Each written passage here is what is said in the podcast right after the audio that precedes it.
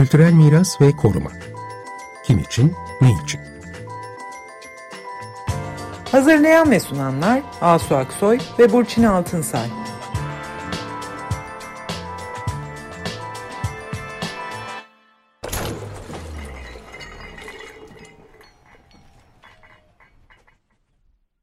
Merhabalar ben Asu Aksoy. Merhabalar ben Burçin Altınsay. Ee, yakın zamanda İstanbul'da Adalar Kent Konseyi ve İstanbul Büyükşehir e, Kent Konseyleri toplandı ve bu toplantılarda seçimler yapıldı. Oldukça önemli organizasyonlar bunlar fakat galiba çok da bilinmiyor Kent Konseyi nedir, e, neden vardır, ne amaçla kuruldu onları e, bilemiyoruz. Tabii ki İstanbul gibi şehirlerde ve bütün şehirlerimizde aslında kültürel mirasın e, da bu konseyler içinde yer alması da önemli bir şart. E, çünkü çok önemli tarihi e, bölgeleri olan kentler bunlar. Bu akşam bu konuda, kent konseyleri konusunda özellikle çalışmalar üretmiş olan bir konuğumuz var. Profesör Doktor Savaş Zafer Şahin. Şu anda kendisi Ankara Kent Konseyi Başkan Yardımcısı. Zafer Bey'i bir tanıtayım ben. Hoş geldiniz önce. Hoş bulduk Burçin Hanım. Zafer Bey ODTÜ Şehir ve Bölge Planlama mezunu bir şehir plancısı.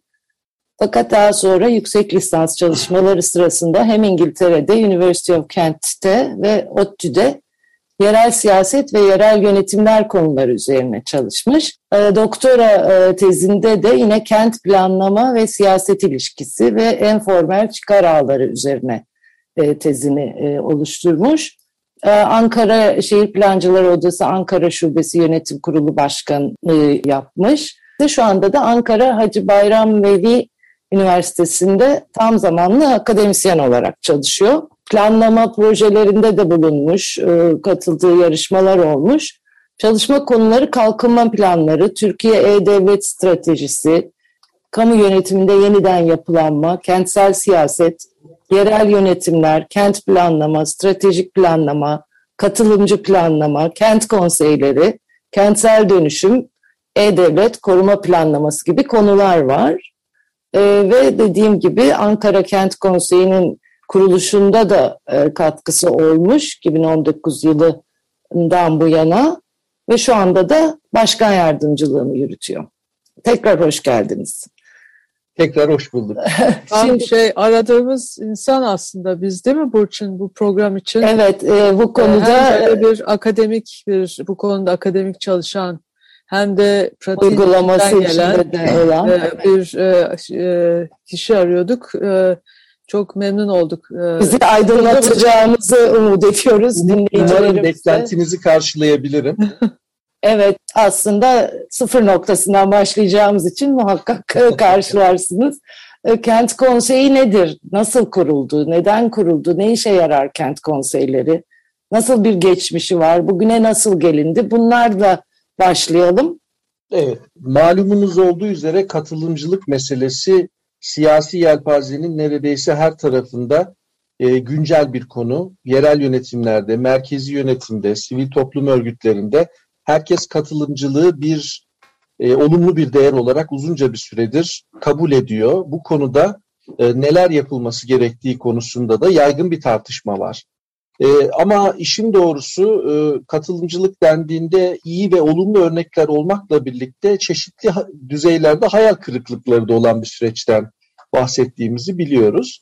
E, Bunun da şöyle bir sebebi var. Katılımcılık mevzusu Türkiye'de beklenenin aksine ya da bilinenin tersine oldukça eski bir geçmişe sahip. Ee, ben çok kısa bu geçmişe değinmeye çalışayım. Öncelikle şunu söylemek lazım ki 1970'lerdeki e, sosyal demokrat ve sosyalist e, belediyecilik deneyimlerinin ta, ta kendisinin içinde katılımcılık denmese bile adına bugün baktığımızda katılımcılık e, ruhuna çok uygun deneyimler var. Örneğin 1978'de Ankara'da Ali Dinçer belediye başkanı iken bir halk danışma kurulu denilen bir yapı toplanmış. Kentteki bütün sivil toplum örgütlerinin, e, meslek odalarının temsilcileri toplanıp görüşleri sorulmuş.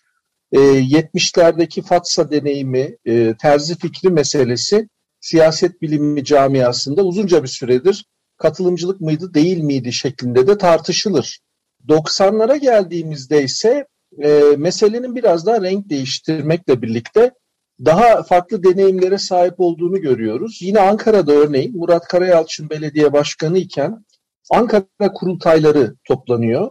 Meslek odalarının adı aynen kent konseyi olarak anılan toplantıları var, büyük toplantıları var ve bütün bu toplantıların her zaman en büyük amacı kente ilişkin politikaları belirlemek. Ve bunun içinde yaygın temsili bir katılım hedeflenmiş hep geçmişte.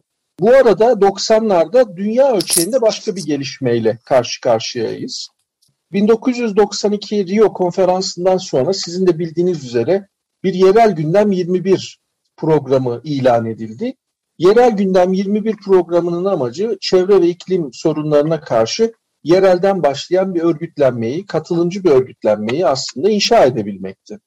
O günlerin koşullarında her ülkenin bu konuda kendi deneyimini e, yaşaması yönünde öneriler olduğunu biliyoruz. Türkiye'de de yerel yönetimlerin yerel gündem 21 ofisleri kurduğunu görüyoruz 1990'ların ortalarında. Yerel gündem 21 ofislerinin bir kısmı e, Türkiye'ye özgü bir deneyim olarak kent konseyleri oluşturuyorlar Türkiye'de.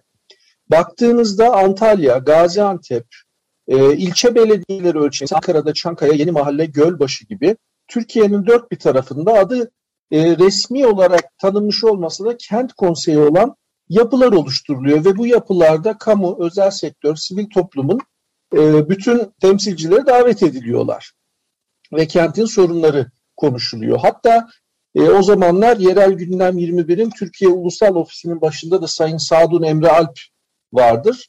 E, kendisinin ifadesiyle 1999'da e, Johannesburg'daki Birleşmiş Milletler Zirvesi'nde yerel günden 21 deneyimleri anlatılmıştır. Bu deneyimler arasında da Türkiye'nin deneyimi özgün bir deneyim olarak kabul edilmiş ve tanınmıştır aslında. Yani aslında ilginç bir şekilde kent konseyi dediğimizde biz e, yukarıdan aşağı değil aşağıdan yukarıya ilk başta temellenen bir şeyden bahsediyoruz. Önce bunu iyi anlamak gerekiyor. Ama ikinci olarak şunu da anlamamız lazım. Kent konseyi denilen bu yapının başlangıcında hep bir kurumsal temsiliyet esası olmuş. Yani yurttaşların bir anda böyle e, en sıradan yurttaşın katılımından değil de daha ziyade örgütlü yapıların katılımından bahsedilen bir e, deneyim hep e, söz konusu olmuş. Bu tartışmalar devam ederken 2000'lerin başında İçişleri Bakanlığı'nın Mahalli İdareler Genel Müdürlüğü yerel yönetimlerde yeniden yapılanma meselesini tartışırken e, kent konseylerini mercek altına almıştır e, ve aldıktan sonra da e, şu tartışma yaşanıyor İçişleri Bakanlığı'nda kent konseylerini yerel yönetim mevzuatının içine koymak. Ama nasıl koyacağız? Uzun tartışmalardan sonra 2004 yılında e, meclise sunulan 5393 sayılı e, belediye kanununun 76. maddesi yazılır. 76. madde kent konseylerini artık resmi, kurumsal belediye yapısının bir parçası haline getiren mevzuat. 76. madde yalnız çok ilginç bir mevzuat.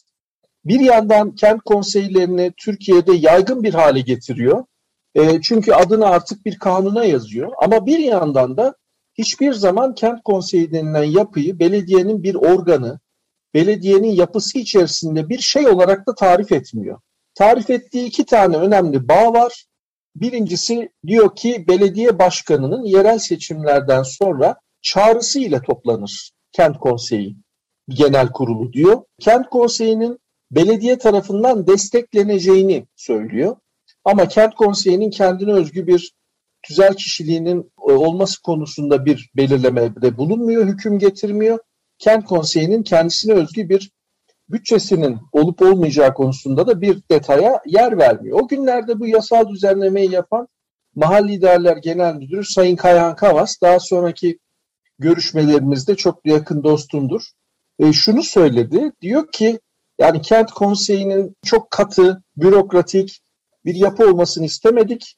Eski deneyimlere baktığımızda mümkün olduğu kadar esnek olabilecek, bağlayıcı olmayan bir düzenleme yazmaya çalıştık diyor. Sonrasında bu e, düzenlemedeki boşlukları doldurabilmek adına önce 2006 yılında sonra da değişiklik yapılarak 2009 yılında bir e, yönetmelik yazılıyor. Bu yönetmelikte mesele biraz daha detaylandırılıyor.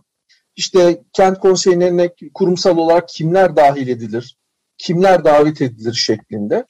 Bütün bunlar olurken Türkiye'de hatırlayın söylediğim gibi mevcutta kent konseyleri var. Onlar tabii heyecanla bu yasal düzenlemeyi bekliyorlar.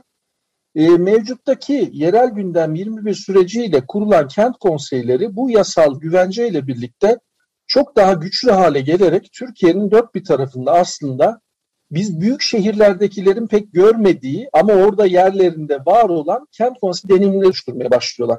Bunların arasında çok önemli örnekler var. Örneğin Çanakkale Kent Konseyi yakın zamana kadar Türkiye'nin belki de katılımcılık adına kent konseyleri açısından en önemli örneğiydi. Bir vakitler e, 4-5 milyon lira diyebileceğimiz zamanın çok ciddi kaynağını katılımcılık süreçleri için Çanakkale gibi bir e, kent ölçeğinde e, kullanabiliyorlardı örneğin. İşte oyun sokaklarından çocuk haklarına, Roman vatandaşların yaşadığı bölgenin kentsel dönüşümünden işte kentteki bir takım kentsel tasarım tartışmalarına, kültürel miras tartışmalarına kadar pek çok şeye dahil oluyorlardı. Trakya bölgesindeki kent konseyleri özellikle Ergen Havzası'ndaki çevre mücadelesinde çok ciddi roller üstlendiler ve üstlenmeye devam ediyorlar. Örneğin e, Türkiye'de ilk defa Edirne ve e, Kırklareli kent konseylerinin ve Tekirdağ kent konseylerinin mahkemelere, davalara müdahil olma talebi kabul edilmiştir.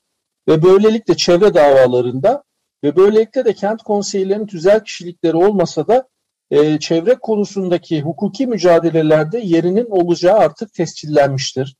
Antalya Kent Konseyi yine hem ilçeleriyle hem kendisi önemli çalışmaları imza atmış. Gaziantep Kent Konseyi Kamil Ocak Stadyumu'nun bir kültürel miras unsuru olarak yıkımı konusunda ciddi bir mücadele yürütmüş.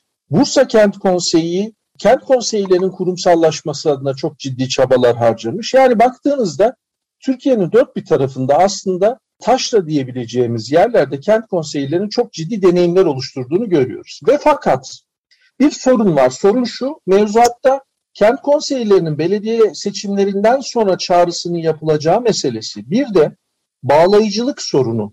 Aslında kanun diyor ki seçimlerden sonra belediye başkanı kent konseyini toplar diyor. Bu aslında kesin bir hükümdür. Yani yapmayan belediye başkanının belli durumlarda suç işlemiş olduğunu da söyleyebiliriz. Ama bu kent konseyi meselesi özellikle yerel gündem 21 geleneğe bulunmayan kentlerde ne yazık ki yerel siyaset açısından bir ciddi tehdit olarak algılandığı için kent konseylerinin istikrarsızlaşmasına sebep oldu. Artı bu istikrarsızlaşma dışında da pek çok yerde kurulması tercih edilmedi. Şöyle bir rakam verirsek Türkiye'de 1400 belediye var şu an e, ama mevcut kent konseylerinin sayısının e, taş çatlasın 300'ü geçmediğini görüyoruz. Bu da az bir rakam değildir aslında ve bu 300 kent konseyinin de büyük oranda büyükşehir belediyeleri ve e, onun içinde ya da güçlü il belediyelerinde olduğunu görüyoruz. Yani daha ziyade belde ve küçük e, belediyelerde pek olmadıklarını görüyoruz. Özellikle e, 2019 yerel seçimlerinden sonrası yalnız ayrı bir milat oldu. Bunu da söylemek lazım. Çünkü 2019 yerel seçimlerinden sonra 11 Büyükşehir Belediyesi'nin muhalefet tarafından kazanılmasının ardından kent konseyleri güçlü bir şekilde üç büyük şehirde e, varlık göstermeye başladılar. İstanbul, Ankara ve İzmir'de görünürlük kazanmaları bir anda Türkiye'nin her yerinde Aa, kent konseyi diye bir şey varmış algısını yarattı ama şunu söyleyeyim ki büyük şehirlerde görünürlük kazanmasa da dediğim gibi 15 senedir Türkiye'de kent konseyi gerçeği vardı aslında. Ama ben her zaman şunu söylerim. Bir şey başkent Ankara'da görünürlük kazanmadıysa e, merkezi hükümet için ya da e, Türkiye için pek görünürlük sahibi olmuyor. Özellikle kurumsal yapılar. E, olaylar da İstanbul'da görünürlük kazanmıyorsa e, sanki yokmuş gibi varsayılıyor. Dolayısıyla 2019 yerel seçimlerinin sonrası da ayrı bir milat oldu. Bugün baktığınızda kent konseyleri, ben 15 yıldır kent konseylerini izleyen bir akademisyenim. Bence Türkiye'nin katılımcılık adına en önemli potansiyeline işaret ediyor. Kuşkusuz önünde engeller var yapısal sorunlar var. Ama özellikle genç kuşaklarla irtibatlanabilen, yaygın katılımcılık e, hikayesi yazabilen kent konseylerinin Türkiye'de çok dikkat çektiğini de söylemek gerekli. şey sormak lazım. Yani e, insanlar, vatandaşlar katılıyoruz da neye katılıyoruz? Yani yani bir sürü kent konseyi, kent konseylerinde şöyle bir şey de olabiliyor. Böyle kendisini bir dernek gibi görmek. Yani çeşitli işte faaliyetler yapalım türü yani neye katılınacağı konusunda bir açıklık e, vatandaş evet. nezdinde ve de sivil onun temsilcileri nezdinde sanki bir kafa karışıklığı var. Evet. Gibi. Şimdi bunun da aslında, e, aslında ben de şunu soracaktım. Pardon sözünüzü kestim ama e, belediye ile birlikte yani işleyiş içinde belediye ile ilişkiler nasıl ya da nasıl olmalı? Bir de o e, kritik bir şey. Şimdi aslında burada bu 15 yıllık deneyimde Türkiye'nin katılıma yüklediği anlama da çok kısa dönmek isterim. Şöyle ki yani e, aslında katılımcılık ilkesi ilk başlarda 90'larda da şöyle tartış Türkiye'de. Siyasi yelpazenin biraz daha liberal ve sağ kanadındakiler bu çok iyi bir şey. Katılım önemli bir şey ve e, bunun nasıl yapılacağını, mekaniğini çözmeliyiz diye tartışırken siyasi yelpazenin solundakiler önce bir reddiyeye giriştiler. Yani bunlar işte neoliberal sistemin tuzaklarıdır. Bunları e, pek dikkatli ve çekinceli ele almalıyız e, şeklinde bir eleştiri getirdiler. Kısmen haklıydı da bu eleştiri. Fakat daha sonra bu iki yaklaşım bence iki ayrı şeye evrildi. E, bugün geldiğimiz baktığımızda bugün Türkiye'de iki ayrı katılımcılık e, anlayışı var. Bir taraftan baktığınızda katılımcılığı işte böyle salonlarda yuvarlak masalarda flip chartlarla oturup postitlere bir şey yazmak ve bir teknik süreç olarak başlayıp bitirmek olarak anlayan bir sivil toplum geleneği oluşmuş durumda. Bir taraftan da baktığınızda katılımcılığı aslında ben yoksam katılımcılık yoktur anlamına gelecek bir söylemle eş tutan bir eleştirel tutum söz konusu. İşte bu iki yapı arasında bir ortak noktayı bulmak gerekiyor kent konseyleri adına da. Şimdi kent konseyleri bu iki taraftan bir tanesine zaman içerisinde yaklaşma eğiliminde olabiliyorlar ama şu mesele çok önemli bence. Ee, bir kere çok dinamik bir yapı tanımlıyorlar kent konseyleri ve unutmamamız gereken çok önemli bir yetkileri var. Aslında belki de tek gerçek yetkileri. Tavsiye kararı tanımlayabilmek. Bir kent konseyi aldığı tavsiye kararlarını ilgili belediye meclisine gönderdiğinde belediye meclisi bu tavsiye kararını gündemine almak zorunda. Belediye kanun bunu tanımlamış. Şimdi belediye meclisinin gündemini belirleme yetkisi belediye başkanındadır aslında. Dolayısıyla teknik olarak kanun kent konseyine belediye başkanının yetkisini tanımlamış durumda. Ama burada şunu unutmamak lazım. Kent konseyinin bu tavsiye kararlarının kentsel politika seçenekleri olduğunu bilmesi, e, bileşenleri diyebileceğimiz gönüllüleriyle, içindeki üyeleriyle kentsel sorunları tartışması, bu tartıştırması, bu sorunları alternatif politikaları değerlendirmesi, buradan anlamlı bir politika seçeneği olarak bu tavsiye kararını belirleyip belediye meclisine göndermesi lazım. Şimdi bu dediğimiz kolay bir şey değil işte. İşte bunun Katılım bu işte değil mi? Katılım yani, bu. Katılım Gerçekten. dediğimiz aslında bu. Yani çünkü bir de şunu söylemek lazım. Kent konseylerinin genel kurulu yönetim kurulunu seçiyor ya işte genel kurulunu evet. oluşturan aslında sadece sivil toplum kuruluşları değil o yereldeki bütün aslında kamu ve sivil toplum kuruluşlar. Bir yerelde Kesinlikle. o yerelle ilgili olan bütün paydaşlar aslında. Dolayısıyla Kesinlikle. kent konseyi katılım bu politikaları tartıştırarak, konuşturarak bütün bu paydaşlar arasında tartıştırıp konuşturup bir tavsiye kararı alabiliyor. Değil mi? Ve alt çalışma gruplarıyla açılımlar sağlıyor. Kesinlikle. Alt başlıklar üzerinde. Yani mesela şöyle çok iyi anlaşılması için şöyle bir örnek verelim. Bazen kent konseyi belediye ile karıştırılır ve her kent konseyi bu süreçten geçer. Şöyle bir mail gelir size ya da sosyal medyadan birisi yazar. Siz toplanıp durun bizim bilmem neredeki yolumuz yapılmadı aylardır. Ne işe yarıyorsunuz der mesela. Şimdi kent konseyinin görevi A noktasındaki yolu yaptırmak değil ama belki e, ulaşım gibi bir problemin farklı boyutlarını tartıştırıp bu kişinin ulaşımına ilişkin genelleştirilmiş bir politikanın ortaya konmasını sağlamak. Çünkü bir kişinin değil bütün kentin sorununu çözmeye aday bir yapı kent konseyi. Ya da çözmek de demeyelim ona tartıştırmaya aday. Şöyle bir örnek vereyim. Örneğin Ankara'da bizim Ankara Kent Konseyi olarak ilk aldığımız tavsiye kararlarından bir tanesi kentin eylem yapılmasıydı. Şimdi e, koskoca başkent Ankara'nın bir iklim eylem planı yok ya da böyle bir tartışma yok. Ve kent konseyi bileşenleri bir araya geldiler, konuştular, tartıştılar hiç olmazsa yani tamam iklim eylem planlarına ilişkin de tartışmalar var. Gerçekten iyi, hakkıyla yapılıyorlar mı? Yapıldıktan sonra ne oluyor? Ama bu tartışma hiç olmazsa belediye meclisinin gündemine gelsin diye böyle bir tavsiye kararı gönderildi ve oy birliğiyle bütün partilerin e, oylarıyla onaylandı. Tabii biz biz bunu yadırgadık işin doğrusu. Çünkü e, herkes Aa, iklim eylem planı tamam canım oylayalım, onaylayalım dedi. Oysa ki normalde tartışılmaması da bu konuda bir duyarlılığın olmadığı anlamına gelir. Sonrasında da bunu şöyle gözlemledik. Bizim yine kent konseyinin çok ciddi çaba göstermesi gerekti. Planın yapımına başlanması, uygulama sürenin tartışılması vesaire. E, Burçin Hanım'ın dediği gibi işte bunun içinde şu mesele çok önemli. Türkiye'de siyasi gelenekler, bürokratik eğilimler, genel kurulları, efendim seçimleri, kimin adının ne olduğunu çok önemser ama biz diyoruz ki ya da kent konseyinin temsil ettiği yapı diyor ki bunun aslında hiçbir önemi yok. Çünkü burada seçilen insanların hiçbir yaptırımı yok. Yani ben Ankara Kent Konseyi'nde bir yürütme kurulu üyesi olarak herhangi bir üyemi çağırıp evet senden şöyle bir çalışma istiyorum diyemem. Ancak rica edebilirim, hoşgörüyle onu ikna etmeye, e, ona inandırmaya çalışabilirim. İşte katılımcılık da burada geliyor ama bu şu anlama da geliyor aynı zamanda. E, bu inanmış insanların, adanmışlık sahibi insanların çalışma gruplarında ve meclislerinde yaptıkları şeyler genel kurulda yapılanlardan çok çok daha önemli. Çünkü oradaki mutfak çalışması yapılmazsa kent konseyinin tavsiye kararı, farkındalık çalışması ve hiçbiri olmaz. Onun için de gerçek anlamda iyi işleyen bir kent konseyi aslında gerçek anlamda yatay bir organizasyon olmak zorundadır. Ne zaman hiyerarşik ya da dikey olmaya kalkarsa orada zayıflar, gücünü kaybeder zaten bir süre sonra da yok olur.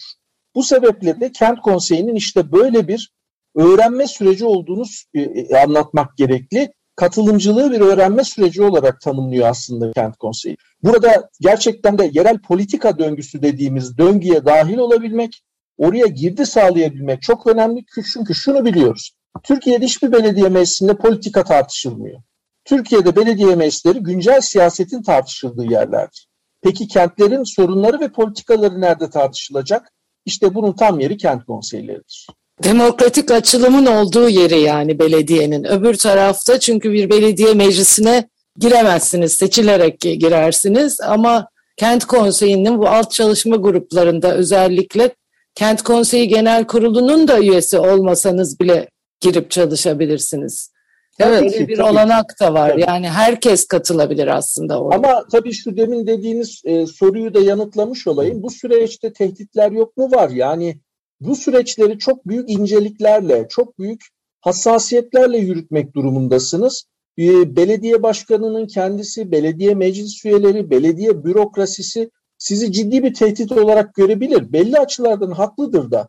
Adam diyor ki efendim ben diyor e, atandım diyor sorumluluğum var sayışaya hesap vereceğim ama siz geldiniz bu sorumlulukların hiçbirine sahip değilsiniz. Biz katılıyoruz onu yapın bunu yapın diyorsunuz. E benim ben bunlardan hangisini yapacağıma nasıl karar vereceğim diyor. Burada da bir haklılık payı var. İşte onun için atanmış, seçilmiş, katılmış, katılacak bunlar arasında dengeleri kurmak çok önemli ve bu bir öğrenme süreci.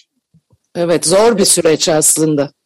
Evet e, yani işte yani deneyime de baktığımızda biz İstanbul yani bu büyük şehirlerde Ankara'da çıkarttığınızda siz Ankara konusunda bir çalışma da yapmışsınız.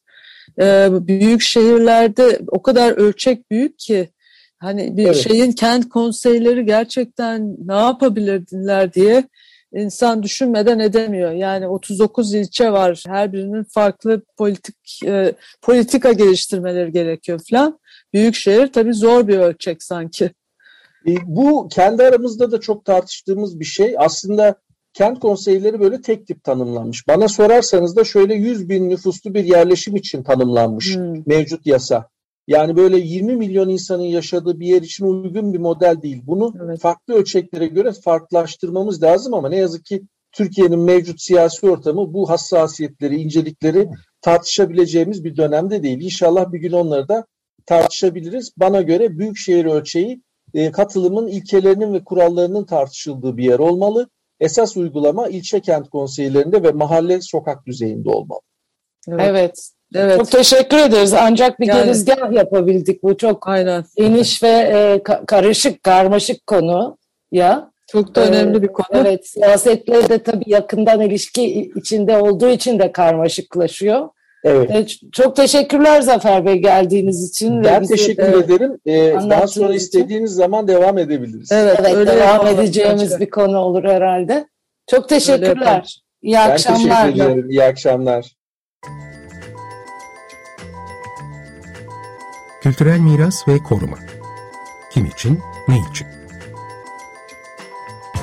Hazırlayan ve sunanlar Asu Aksoy ve Burçin Altınsay.